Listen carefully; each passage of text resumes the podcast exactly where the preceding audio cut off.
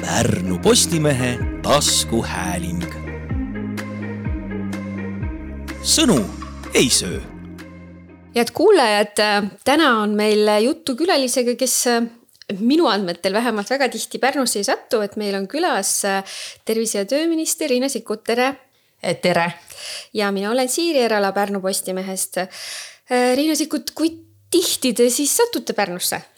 Mm, no mul juuri tõesti Pärnu kandis üldse ei ole ja nüüd ma pole selle peale niimoodi mõelnud, ma vist tõesti eraeluliselt satun Pärnusse tihedamini kui töö tõttu. et tööl, noh seda, et käia Pärnu haiglas, et on siis haiglahoone või õendushooldus, et seda ma olen teinud, aga eh, noh, suvel ikka lastega, perega, kuna siin Lottemaa on külje all, et siis eh, viimased kaheksa aastat nüüd oleme küll vist igal aastal käinud ja nii et te olete suvekülaline siinkandis? jah, nagu Pärnus tavaks jah, et, et paljud jõuavad Pärnusse suvel jah. aga see praegune käimine, mis selle põhjuseks, mis selle ajendiks? praegu käisin külas Pärnu haiglas, et aprillis, nüüd kui uus valitsus eelmise aasta aprillis ametisse asus, siis sellest ajast peale olen järjest külastanud ka tervishoiuasutusi, on need siis haiglad või, või tervisekeskused üle Eesti ja varsti hakkan ringi peale saama ja vaatasin ka, et tõesti Lõuna-Eestis käinud, et sihuke haiglate tuur on, aga mis mulje Pärnust jääb siis, kui võrrelda teistega, et kui juba ring on enam-vähem peal mm.? minu arust Eestis kõik need haiglad on nii omanäolised, et ei maksagi võrrelda või öelda, et kes nüüd on parem või kes on pikema sammu mm -hmm. astunud, et pigem peakski vaatama, et, et kas ja kuidas nad oma piirkonna elanike vajadustele vastavad. ja Pärnu puhul Mm, kui ma olin nüüd viis aastat tagasi ministriametis, siis külastasin ka ja siis tollal jättis kõige positiivsema mulje muide psühhiaatria mm. -hmm. ma, ma esimest korda nägin kaasaegset psühhiaatria osakonda, kus sul ongi kollased toonid, helgus, üksikpalatid, et sa näed, et kuidas see keskkond ka toetab inimeste tervenemist. ja noh, lisaks siis sellele võimalus, ma ei tea, tegevusteraapiaid teha ja mm, -hmm. ja mhm. selliseid sekkumisi. et kui käia, on see siis Ahtmes või, või, või Seevaldis või erinevates psühhiaatria osakondades, et, et, et nii head keskkonda näeb harva aga mis siis praegu muljet avaldas? ja, ja, ja seekord nüüd see, mis muutunud on, on ju tervisekeskus, mis on mm -hmm. Pärnu haigla kõrvale kerkinud. see, kuidas toimub koostöö ka tervisekeskuse ja haigla vahel.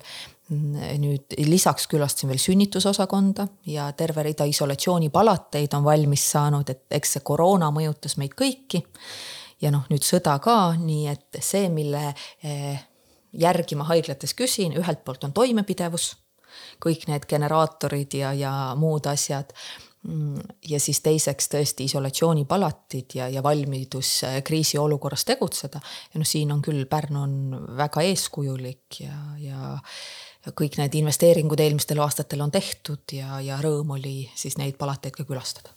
see sõna toimepidevus, et vihjasite generaatorit, et, et seletame kuulajatele ära, et seda ju aetakse taga igasugustes riigiteenustes praegu. et mida see siis tähendab ja miks me seda niimoodi taga ajame? no suure osa ajast õnneks meil on siin eh, hea ilm ja rahu ja vaikus ja, ja sellisel juhul kõik toimib iseenesest.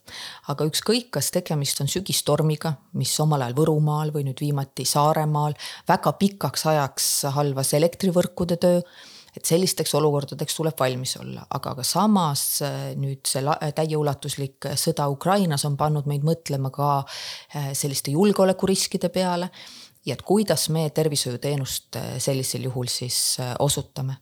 ja eks need arengud, tehnoloogilised arengud tervishoius on viinud ka selline, selleni, et ega keegi ei kujuta enam eh, paberite liigutamist eh, majast majja või kiirabist haiglasse ette, nii et seda, et oleks haiglas elektrivarustus, mis võimaldab ka interneti töös hoida et see on mhm. midagi, mida me peame noh, nagu hädavajalikuks, esmatähtsaks ja kuhu siis viimastel aastatel me tervishoius oleme investeerinud, et oleks võimalik ükskõik millise kriisi korral elanikele vältimatu abi tagada viitasite siin sõjale, et tegelikult kui kuulata neid uudiseid, mis tuleb, et tihtilugu sõjalistes konfliktides haiglad on justkui ikkagi selline noh, sihtmärk või siis kus keegi ennast peidab, et kas selles osas ka on mingisugused riskistsenaariumid läbi mängitud siin haiglates mm.? iseenesest äh, tõesti rahvusvaheliste selliste kokkulepete järgi meditsiinitaristut, haiglaid ei tohi pommitada mm, -hmm. tsiviilelanikke ei tohi rünnata mm. -hmm. aga noh, me näeme, et Vene Föderatsiooni puhul see ei kehti mm -hmm. ja Ukrainas tõepoolest sihilikult äh, ka tervishoius hooneid lüüakse rivist välja nii et noh, eraldi selliseks stsenaariumiks noh, kuidagi ei saa valmis olla või see on iga nagu terve mõistuse vastane samas, kui me plaane teeme, siis seda, et me oleksime eelhoiatuse korral valmis haiglaid evakueerima. see võib olla ka mõni teine olukord, on see mm -hmm. tulekahju või, või mingisugune teine äh, ulatuslik looduskatastroof mm. -hmm. aga me seni me ei olnud selle peale mõelnud, et me peame näiteks, on need patsiendid või, või siis haiglahoone ja varustus, et me peaksime seda evakueerima. aga nüüd neid plaane tehakse, et olla kriisideks paremini valmis aga seda, et me lõpuks, me eesmärk on ikkagi selle, selleni jõuda, et Eestit ei pommitataks, et need investeeringud, mida me teeme, on see siis piiri kaitsmiseks või, või õhutõrjesse või, või liitlassuhetesse. et need kõik on tehtud selleks, et keegi kunagi Eestit ei pommitaks mm. -hmm. Aga natuke lugesin teie CV-d ka, et nagu eriala poolest saab teid nimetada majanduse ja tervisepoliitika asjatundjaks, eksperdiks, et et kui te mm, võtaksite endale selle majandusasjatundja rolli, et mis seisus Eesti, Eesti praegu on? nii nagu paljude asjade puhul elus ei ole võimalik ühe sõnaga vastata, et see elu on meil nii mitmetahuline ja majandus samamoodi et üheksakümnendatel see oli selge otsus ennast Venemaa majandusest äh, lahti siduda, liikuda Lääne-Euroopa turgudele ja me olime erakordselt edukad äh, selle tegemisel, nii et see, see väljend, et meil on väike avatud majandus, noh, see, see ühtlasi tähendab, et me sõltume väga palju teiste turgude käekäigust.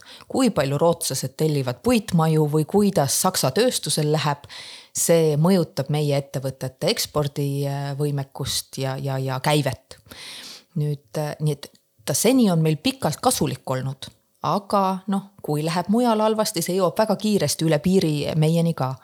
nii et me oleme olnud edukad oma majanduse läände suunamises. aga me peame teadlikult neid riske juhtima, mis sellest tulenevad. nüüd, äh, kui vaadata praegust majandusseisu siis koroonast me taastusime erakordselt kiiresti, aga koroona mõju sektoriti oli väga ebaühtlane. said pihta teenindusega seotud sektorid, mis, mis suleti. samas oli sektoreid, noh, kasvõi ma ei tea, tervishoius, kes tegeles isikukaitsevahendite või desinfitseerivate vahenditega, neil läks jälle väga hästi. siis tuli sõda. ja vaatamata sellele, et logistika ja transiit, sadamad, raudtee eh, kukkusid kahjumisse, käibed mõnel juhul kukkusid praktiliselt nulli, siis oli sektoreid, kelle jaoks see tähendas võimaluste kasvu et on see siis metallitööstus, et kui Ukrainas äh, suur osa tootmisvõimekusest äh, langes ära, siis otsiti alternatiive ja meil oli ettevõtted, kes suutsid neid auke täita. nii et koroona tabas teatud sektoreid, sõda tabas teatud sektoreid, samas oli suur osa majandusest, mis jätkas kasvamist.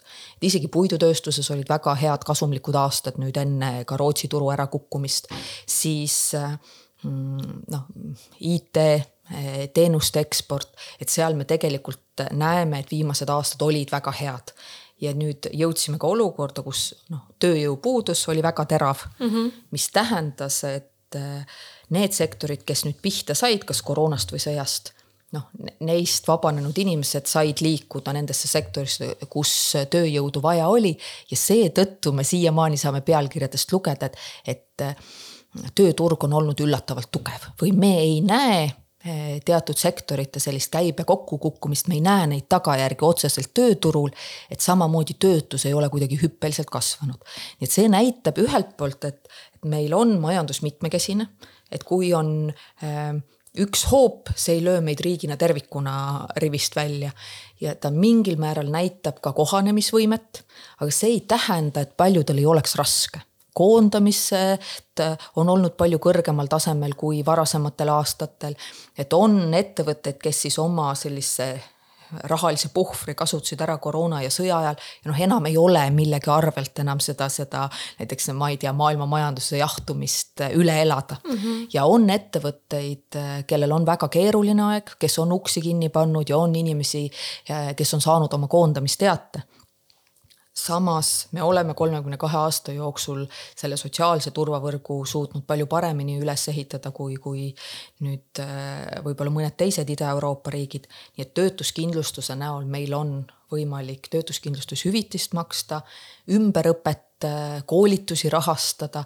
et me, me ei saa öelda, et me kuidagi noh, ma ei tea, et inimesel ei ole, kuhu peale kukkuda et see turvavõrk peab vastu praegu? praegu turvavõrk peab vastu ja Töötukassal on ka reservid olemas, nii et äh, väga noh, kõik ootavad positiivset sõnumit, et kui nüüd meie eksporditurud ka hakkavad näitama kasvumärke, et siis, siis justkui see tõmbaks meid ka varsti kaasa. mina ise olen ka optimist, et ma arvan, et see taastumine tuleb aga siis nii nagu e varem rääkisime, et ega see geopoliitiline olukord ja sõda, et see, niikaua kui see alles on, et ta mõjutab ikkagi Eestisse tehtavaid investeeringuid, neid investeerimise otsuseid, sest me tundume teiste jaoks, kui Lääne-Euroopast vaadata, ikka Venemaale väga lähedal. ja, ja seetõttu sellise kindlustunde loomine, et me oleme valmis ennast kaitsma, siia ei ole mõtet tulla, keegi noh, meie ründamine ei tasu kellegi jaoks ennast ära. et see on väga tähtis, et vaatamata sellele, et me räägime kaitsekuludest noh, kui, kui noh, ja kaitseinvesteeringutest, eks neil on tegelikult laiem mõju äh, majandusele ja sellise kindlustunde loomisele ka. Jah, praegu kuulen juba teist korda seda, et, et see mm, Eesti kaitsega tegelemine on tegelikult nii tervishoiu jaoks oluline kui nüüd siis ka majanduse jaoks, et, et võib-olla osa sellest, sellest poliitikast ka, mis on nagu teie valdkond aga mm, kui te nüüd võtate selle tervisepoliitika eksperdi, et äh, millise tervise juures on meie tervishoid siis üldse mm? -hmm ja vot see oli tõesti huvitav, et kui ma tervisepoliitikat õppisin, ma kunagi ei kujutanud ette, et ma seda niimoodi saan kohe ellu viia, noh, tehagi erialast tööd. aga mm, nii nagu majanduse puhul ma tegelikult alustaks sellest, et kui me vaatame seda viimast kolmekümmet kahte aastat me oleme olnud suurepärased, ükskõik millise teise, ma ei tea, endise Nõukogude Liidu äh,, liiduvabariigiga me ennast võrdleme või ida, ida, Kesk- ja Ida-Euroopa riigiga. kõik, meil on väga kõrge südame-veresoonkonna haigustesse suremus, aga kui me vaatame, kes on suutnud näiteks viimase viieteistkümne aasta jooksul kõige rohkem südame-veresoonkonna haigustesse suremust vähendada, Eesti kes on suutnud oma haiglavõrku reformida sellest nõukogude aegse, aegsest süsteemist kaasaegseks? Eesti. kes on väga selgelt äh, eurorahasid suunanud tervishoiutaristusse, nii haiglad kui tervisekeskused. et noh, teised, ma, ma, neil on ju, neil on prioriteedid olnud mujal, aga mm -hmm. Eesti on väga selgelt suutnud pakkuda mm, noh, kasutada targalt neid ressursse, mis meil Euroopa maksumaksjalt tulevad, et pakkuda meie tervishoius siis äh, inimestele paremat äh, teenuste mõttes ja, ja tegelikult ka atraktiivsemat töökeskkonda tervishoiutöötajatele. et on väga palju asju, mida me oleme hästi teinud ja kui võrrelda üheksakümnendate alguse näitajatega, mul on, meil on meelest ära läinud, et noh, mis mm., mis, mis, mis see tase tollal oli. aga samas, kui me võrdleme ennast Põhjamaadega näiteks Soome-Rootsiga. no meil on väga pikk tee minna, et meie inimesed elaksid sama pika ja, ja terve elu kui, kui nende eakaaslased Põhjamaades ja siin ega ühelt poolt on ju vastus lihtne, teiselt poolt väga keeruline. et Eh, eks ta on toitumine, liikumine, alkohol, tubakas. et kui me neid riskitegureid, mis tulevad ebatervislikust toitumisest, vähesest liikumisest ja alkoholi ja tubaka tarbimiseks, kui me neid riskitegureid suudaks eh, vähendada. no vot siis meil oleks lootust sellist Põhjamaa inimese elu elada ja sa sama tervena elada. praegu me jääme sealt maha ja, ja noh, see kui oleks võimalik teha poliitiline otsus, noh, nii nagu haigla investeeringutega on võimalik teha noh, tead, järgmisel aastal suuname rahad sinna või muudame seda või teist. pikendame residentuuriõpet või, või teeme midagi, noh tervisekäitumisega ei ole võimalik niimoodi seda poliitiliselt juhtida. Need mm -hmm. instrumendid on hoopis pehmemad ja kaudsemad. millist toitu pakutakse kooliköökides või koolipuhvetites. kuidas meil, ma ei tea, nutitelefoni kasutatakse, kas koolis on nende kasutamine lubatud, milline on lastevanemate teadlikkus veipimisest näiteks. et kõik need mõjutavad lõpuks ka laste otsuseid ja et meil on, ma arvan, see ühiskonnana väga palju vaja, ma ei tea, küpseda mm, -hmm. et me mhm. jõuaksime selleni, et näiteks laste tervis oleks hoitud et. aga kui te nüüd äh, võtate nüüd selle ministriportfelli siis äh, kätte ja lauale, et äh, mis on teie valdkonnas siis need äh, akuutsed teemad, et äh, tegelikult siin Tervisekassa rahastuse teema, ravijärjekorrad äh,, noh, need on ju päris tõsised probleemid, millele no minu mõistusega väga lihtsat äh, lahendust ei, ei paista ja nad on ka pikaajalised ja sellise väga tõsise efektiga, et mis ministrina on näha teie valdkonnas? kui poliitikutelt küsida, siis tundub jah, et ei, kõige suurem mure on ikkagi tervishoid, raha on puudu, raha on vaja. aga inimestelt küsida, nemad ütlevad ravijärjekorrad, et see on. aga üks... kas ravijärjekorrad ei sõltu rahast? vot, aga tegelikult on mure ju mujal tegelikult üks ja ainus suur mure on tervishoiutöötajate puudus. ma mõtlesin, et see, et inimesed jäävad haigeks ja, aga, aga see täpselt nii, nagu ma rääkisin, et see on mingi ühiskonna küpsemise küsimus, et kuidas me neid elustiili valikuid teeme mm -hmm. ja, ja, ja kuidas me neid mõjutame. aga, aga seda, kui palju me tervishoiutöötajaid ette valmistame, kui palju mm -hmm. me neile palka maksame, kuidas nende töö on organiseeritud, et seda saab sotsiaalministeeriumi poolt kujundada, seda me teemegi. aga et noh, see tervishoiutöötajate puudus on tõesti õdede puudus, psühhiaatrite puudus, perearstide puudus, see on midagi sellist, mida mida, mida tõesti kõik Eesti piirkonnad äh, tunnevad. ja ka täna Pärnu haiglas käies, et samamoodi, et tervishoiutöötajad on, on need, äh, keda on vaja, aga noh, ega me, ega, ega nad ei tööta tasuta heategevuse korras, jah, neile on maksta palka vaja. ja kui meil on rohkem tervishoiutöötajaid, siis on võimalik ravijärjekordi ka lühendada. et osaliselt ravijärjekorrad on äh, teatud erialadel tingitud sellest, et meil ei ole lihtsalt tervishoiutöötajaid, kes, kes neid vastuvõtte teeks. me võiks ju vastuvõttude arvu suurendada, aga meil on lõpuks vaja neid inimesi, kes, kes annaks erialast äh, nõu. nii et kõige suurem mure on tervishoiutöötajate puudus, aga vot siin ka me äh, ei, oleme väga noh, selline arenenud riigi nägu, et see on arenenud riikides kõikjal. et ühelt poolt inimese ootused kasvavad, nad soovivad saada rohkem abi ja tuge. aga teisalt teadus võimaldab et mm -hmm. minu jaoks ja ma olen seda tegelikult paar korda jaganud, oli väga suur üllatus, kui novembris kaks tuhat kaheksateist sai valitsus noh, sajaaastaseks, noh, ajutine valitsus moodustati siis sada aastat tagasi. ja mina lugesin selle saja aasta taguse, nüüd siis saja kuue aasta taguse valitsuse esimesi otsuseid ja dokumente. et vaadata, et no mis seal tervishoius, no mis nad siis tegid. tervishoid ei olnud üldse valitsuse tasandi teema. vaatamata sellele, et tööpoliitikas oli ilusti otsustatud kaheksatunnine tööpäev, meestele ja naistele tuleb maksta võrdset palka, siis tervishoid kui selline enamasti tähendas nakkushaiguste leviku äh, kohta registri pidamist ja sellist surmaeelset põetust mm. -hmm. noh, et ta oli väga palju noh, pigem selline valu äravõtmine ja, ja sest mm -hmm. ei olnud, ei aga olnud. terviseedendust kui sellist siis? tervise, ei, terviseedendust ei olnud, aga ei olnud antibiootikume, ei olnud, noh, sulle, sul olid ravivõimalused olid nii piiratud et tervishoid, nagu me kaasaegses mõttes äh, silmas peame, seda ei eksisteerinud, nii et valitsusele ajut-, ajutisele valitsusele pakkus huvi see, et kui palju meil on arste ja õdesid, keda rindele saata. aga, aga tervishoidu mm -hmm. ei, otseselt niimoodi ei korraldatud, organiseeritud, nii et, et see on nagu ta, kasulik tagasivaade mm, -hmm. et kui palju on saja kuue aasta jooksul muutunud ja nüüd, kuna see muutus on olnud nii suur, et me suudame iga organi talitluse ja, ja koh, analüüside kaudu infot koguda siis meil on võimalik inimesi aidata palju rohkem kui omal ajal ja need võimalused järjest paranevad. ja see, ja see toob ka tööd juurde inimesed soovivad rohkem ja meil on võimalik rohkem teha ja see paneb ka Tervisekassa eelarve pinge alla, et me ei saa ju teha äh, sama summa eest oluliselt rohkem, eriti kui need uued ravivõimalused on ka kallid. siit tulevad ilmselt ka need pinged, mida me näeme selliste süha, südantlõhestavate lugudega on ju, et äh, on keegi, kes on haige, on ravivõimalus olemas, aga riik ei rahasta seda. jah, noh siin noh, iseenesest ma küll südamerahuga võin öelda, et suur osa tõhusatest ravivõimalustest on kõigile Eesti inimestele kättesaadavad. et tõesti väga uute ja kallite ravimite puhul noh, neid on ka maailmas nii vähe kasutatud, et, et ei ole päris kindlust, kas need sajad tuhanded või miljonid lähevad tegelikult asja ette ja inimene säilitab tervise või, või suudab taastada oma tervist.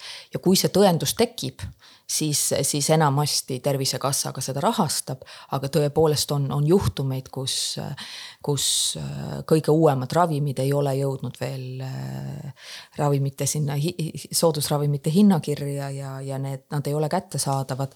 aga, aga eks me proovime järjest paremini, aga noh, seal on tõesti ka see eelarve võimaluste piir ees. aga ma mainiks nüüd lisateemana ära, et tõesti, kui me tervishoius väga palju räägime tervishoiutöötajatest, rahast, järjekordadest, uutest ravimitest, siis sealt, kus see eluea pikenemine ja kasv tuleks, noh, siis minu enda mm, viimase poole aasta üks kõige suurem üllatus, kuigi ma tean, räägitakse küll, no ülekaalulisus laste mm -hmm. seas, et see on probleem, ülemaailmne probleem. et valmistasin ennast Käärikul toimunud selliseks liikumisteemaliseks paneeliks ette ja siis ma ütlen, ikka päris ehmatav oli, kui ma vaatasin neid aegrida minevikunumbreid, et kakskümmend aastat tagasi, õppeaasta kaks tuhat üks, kaks tuhat kaks kooli õpilaste tervisekäitumise uuring ja nüüd õppeaastad kakskümmend üks ja kakskümmend kaks. ülemäärase kehakaaluga õpilaste arv oli mitte kolm protsenti kõrgem või kolmkümmend protsenti kõrgem, kolmekordistunud kolmekordistunud mhm. kahekümne aasta jooksul. et see oli minu jaoks ka natuke nagu ehmatav, et ma tean küll, et asi läheb hullemaks mm, -hmm. aga see on päris äh, noh, kiire kasvutempo, mille puhul äh, me, me näeme, et oleks vaja midagi teha.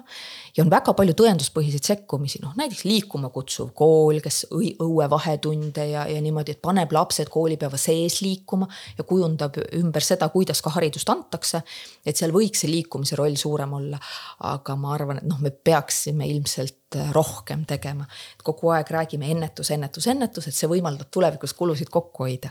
aga kui vaadata noorte tervisenäitajaid, no siis aus on öelda, et me praegu Eestis me, me ei näe, et oleks tulevikus võimalik mingisugust kokkuhoidu saavutada, et need näitajad tegelikult lähevad halvemaks.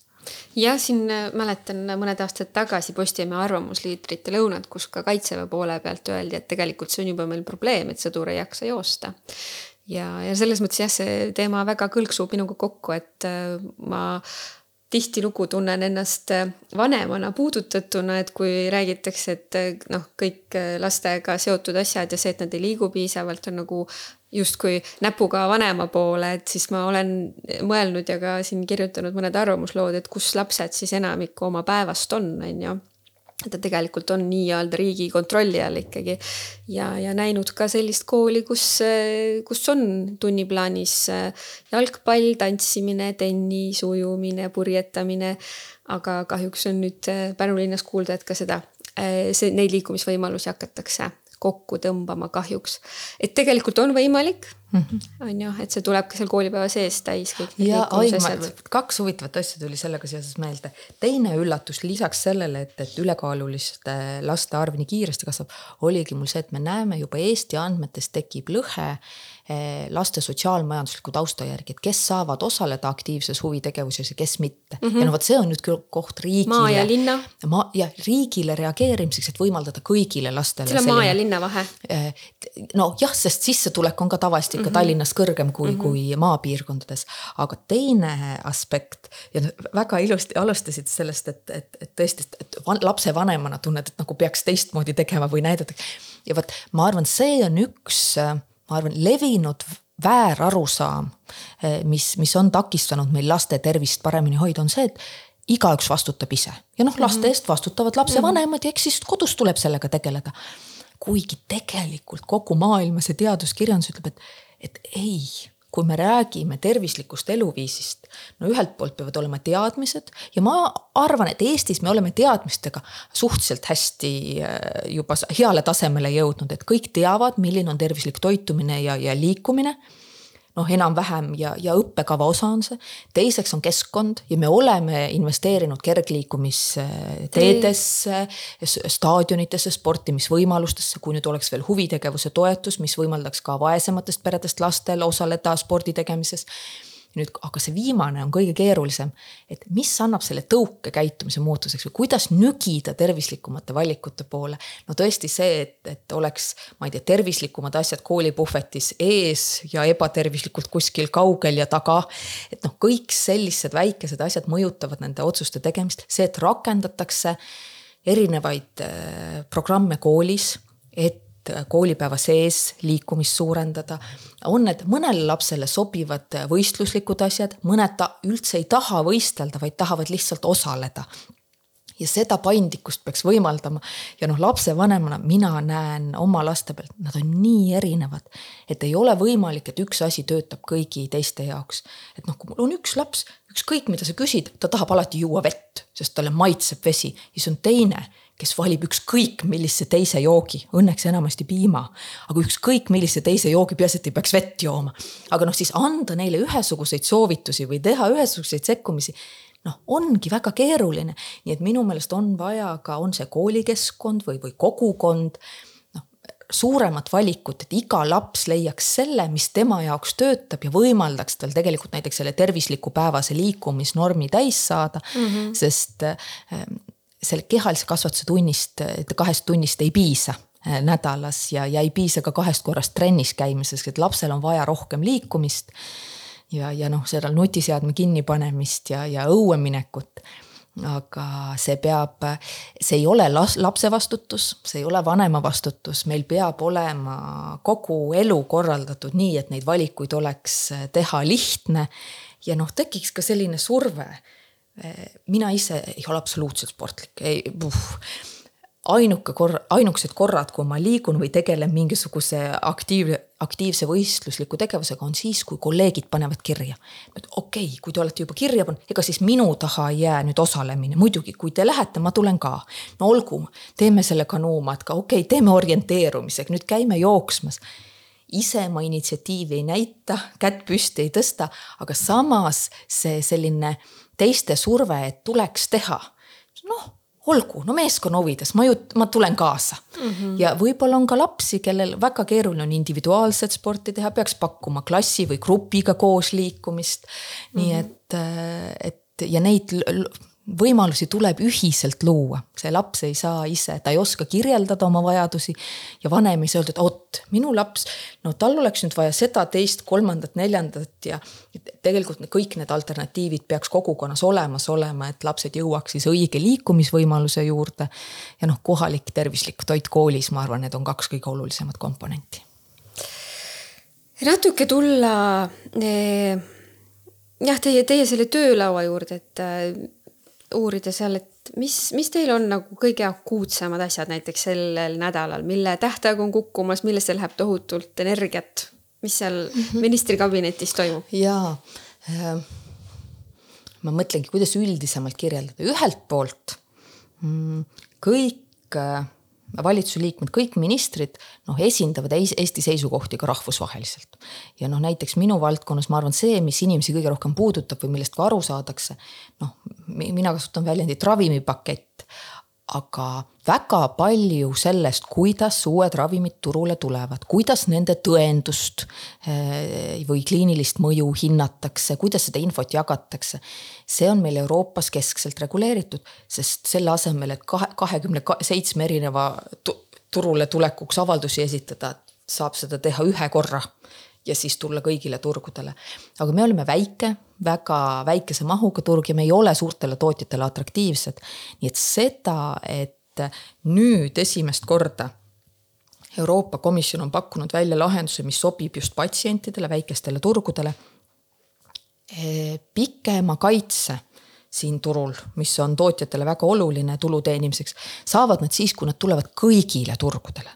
mitte, et nad ei vali suuri, tead Saksamaad, Hollandit, Prantsusmaad, vaid nad tulevad kõigile turgudele ja vot see on. see mida... kaitse on siis see originaal, et see, et see originaalravim teatud aeg on kindlasti. ja, ja, ja, ja, ja siis äh, see mm, see Eesti jaoks asju väga palju muudaks mm, -hmm. et noh, on, on asju, mida me ei saa riigina ise teha Äh, aga, aga koos teiste liikmesriikide, kui see regulatsioon selles suunas liigub, et, et väikesele turule minekut motiveeritakse, harvikhaiguste ravimite turule tulekut soodustatakse, et siis tegelikult võidavad meie patsiendid, nii et osa tööst puudutab äh, sellist rahvusvahelist. siis teine, kuna me oleme kõik valitsuse liikmed, siis arutame kõiki küsimusi ju, mis, mis on valitsuse laual mm. -hmm. nii et eelmisel nädalal olid meil valitsuskabinetis energeetika teemad taastuvenergia vähempakkumised ja asjad. nüüd sellel nädalal tuleb haridusteemade plokk. kõik see, mis puudutab õpetajate karjäärimudelit, koormusarvestust, et kõik need teemad, mis streigi valguses said kõigile kodanikele ka tuttavaks mm. -hmm. et nüüd äh, haridusvaldkonna reformi plaane arutame äh, sellel neljapäeval. noh, siis lisaks on minu noh, nagu tõesti minu jaoks tähtsad teemad on need siis tõesti laste ülekaalulisusega tegelemine, et me ju arutame limonaadimaksu üle või see magustatud jookide maksu üle. et mi, kuidas saaks äh, koolitoitu äh, tõepoolest kvaliteetsemaks, kohalikumaks muuta. et tervishoiu rahastamise küsimused, need on need, mis on noh, tõesti iganädalaselt laual, sest seal on väga palju võimalik ka ministeeriumi tasemel teha ja siis viimaseks ma tooksin välja sellist kiiret reageerimist vajavad küsimused, no näiteks täna Delfis uudis, kuidas Narva linn tahab haiglajuhti hakata Narvas välja vahetama, et äh, kuigi tegemist on inimesega, kes tõesti koroona ajal väga hästi kiiresti reageeris, toime tuli, on noori arste Narvasse tööle suutnud viia, et. Aga mis minister siis teha saab? ega, ega tegemist on linnahaiglaga, et minister ei otsusta haiglajuhtide ametisse panekut ega, ega ametist vabastamist. aga, telefonikõne ikka teete? Mm, ja, ja, ja jah, ja see, et ega seal on teisi kaasnevaid küsimusi ka, et see oli lihtsalt näide millestki päevakajalisest mm, -hmm. mis nõuab reageerimist või tegelemist mm. -hmm. ja noh, selliseid asju ikka igal nädalal tuleb äh, mingi, mingi oma, oma teema, aga seda lihtsalt ette ei tea mis iganes tuleb, sellega siis äh, tuleb tegeleda, nii et, et ongi e, Euroopa kolleegidega suhtlemisest äh, Delfi uudisteni, et noh, kõik, kõik see, mis seal vahemikus on ja tavaliselt igas, igas nädalas kõigist nendest erinevatest asjadest mingisuguseid elemente on töös mm. -hmm. kaugelt vaadates tundub, et selles Eesti poliitilises ladvikus natukene on äh, sihukest äh, käärimist või ei, ei ole kokkulepped või ei ole sellist rahulikku mõnusat koos, koostöövaimu, siis kuidas teie ise hindate seal sees olles, et kas, kas Eesti on praegu võimalikult äh, parimal moel juhitud? ühelt poolt see on demokraatia osa, et noh, meedia peab olema valitsuse kriitiline, peab äh, rõhutama või välja tooma vajakajäämisi või, või rõhutama mingisuguseid murekohti, mis veel lahendust ei ole saanud. nii et selline kriitiline foon minu meelest valitsuse suhtes on tavapärane. noh, eraldi küsimus on, et kui palju peaks rõhku panema mingisugustele omavahelistele suhetele või sisemisele dünaamikale ja mulle tundub ka, et äh, lugedes äh, lehti või sotsiaalmeediat, käib valitsuses justkui täielik möll. kuigi tegelikult on täiesti, ma ütleks, täiesti tavaline rahulik äh, igapäevatöö. me tõesti arutame energeetika küsimusi, hariduse küsimusi, tervishoiu küsimusi, arutame sisuliselt pikalt ja noh, näiteks õpetajate palk, mille puhul või õpetajate palgatõus, mille puhul need eriarvamused äh, meedias era, eriti palju kajastamist jõud, nõudsid et ma arvan, et ongi keeruline väljaspool valitsust aru saada, et, et positsioonid on erinevad ja noh, maailmavaated ongi erinevad. aga see ei tähenda, et me ei suudaks kompromissi leida et, et noh, see, et, et keegi toetab õpetajate palga kiiremat tõstmist, teine ütleb, aga ei, tuleb kõigepealt äh, eelarve küsimused ära lahendada või, või mingid muud asjad see on ette teada, et need positsioonid on sellised, mõnel juhul kokkulepe tuleb tunni jooksul, mõnel juhul läheb mitu nädalat aega. aga kuna kõigil on soov kokku leppida, siis lõpuks see lahendus ka leitakse. Et ei ole kedagi, kes oleks pahane või solvunud või, või minema kõnniks või midagi sellist. et ma ja mõne küsimuse arutelu lihtsalt ongi keeruline ja lahendus, kui see lahendus oleks lihtne, see oleks leitud juba aastaid tagasi. kui ta on praegusel ajal valitsuse lauale jõudnud, siis ilmselt on tegemist sellise küsimusega, mida seni ei ole suudetud ära lahendada. ja siis võib selle lahenduseni jõudmine aega võtta. aga, aga see ei tähendaks, tähenda, et inimestevahelised suhted on kehvad või, või, või kellelgi oleks soov laua äärest äh, ära minna, et. et ühelt poolt minu meelest see on tavaline töö, samas teisalt on jube kahju, et see avalikkuses mingisugust ärevust tekitab. Äh, kuigi see, et erakondadel on erinevad seisukohad, mis on programmides, valimisprogrammides kajastatud ja et maailmavaated on erinevad, see tegelikult on ette teada. nii et need erimeelsused ei peaks olema üllatavad või uudisväärsed, see lihtsalt see nii on ja nüüd küsimus on, et mis tempos kokkuleppele jõutakse. kuidas teie ise oma tööõnne ja tervist hoiate, ütlesite väga sportima ei kipu, aga on teil mõned nipid mm,? ei tea, ega mul, ega mul nipp appi, kui sellist ei ole, mulle endale meeldib väga jala liikuda. nüüd ainu-, tõesti, ma olen üle neljakümne aasta vana, ainukesed eh, perioodid, kui ma olen autoga tööl käinud, siis see on tõesti ministrina, aga teadupärast Eestis ministrid on lühidalt ametis. nii et ka riigikogu liikmena ma käisin tööle jala Eh, viis minutit lasteaeda, kakskümmend viis minutit Toompeale. et nii hommikul kui õhtul väga mõnus eh, jalutuskäik, saab pea, ühelt poolt saab töölainele lülitada, teisalt saab jälle tööteemadest pea tühjaks mõelda. nii et ja teine asi, mulle meeldib lugeda, kuigi noh, laste kõrvalt on väga keeruline eh, eesti kirjanduseni jõuda, et siis tahaks ikka rohkem kui viis minutit, et väga kahju on lehekülje järel seda raamatut pooleli jätta ja pärast jälle sisseelamisega alustada, nii et. aga, aga muid nippe mul ei ole. ma arvan, et aitab see, kui, kui inimene teeb seda, mis talle endale huvi pakub. ja noh, nii poliitika kui tervis, noh minu enda jaoks on väga huvitavad teemad, mulle meeldib iga päev tööle minna. ja ma arvan, et see võib-olla aitab seda töörõõmu hoida ka. kohe, et mis see viimane raamat siis on või mis praegu öökapil on? ma lugesin Sven Miksri Vareda ja siis äh, nüüd ma peaaegu olen lõpuni, mulle väga meeldib äh, Maarja Unduski äh, raamat Ellen Niidust oma emast ma ei tea, kaheksasada lehekülge võib-olla, ma olen juba äh, peaaegu lõpus, aga nüüd, aga tegelikult on pik pikalt seisnud, mitu kuud mul seisnud jälle öökapi peal, et aga loodan nüüd selleni tagasi jõuda. ja aitäh teile, aitäh Pärnut ja Pärnu Postimehe podcasti stuudiot väisamast, minister Riina Sikkut, aitäh kuulajatele, mina olen Siiri Erala Pärnu Postimehest ja kuuleme taas. aitäh. Pärnu Postimehe taskuhääling sõnu ei söö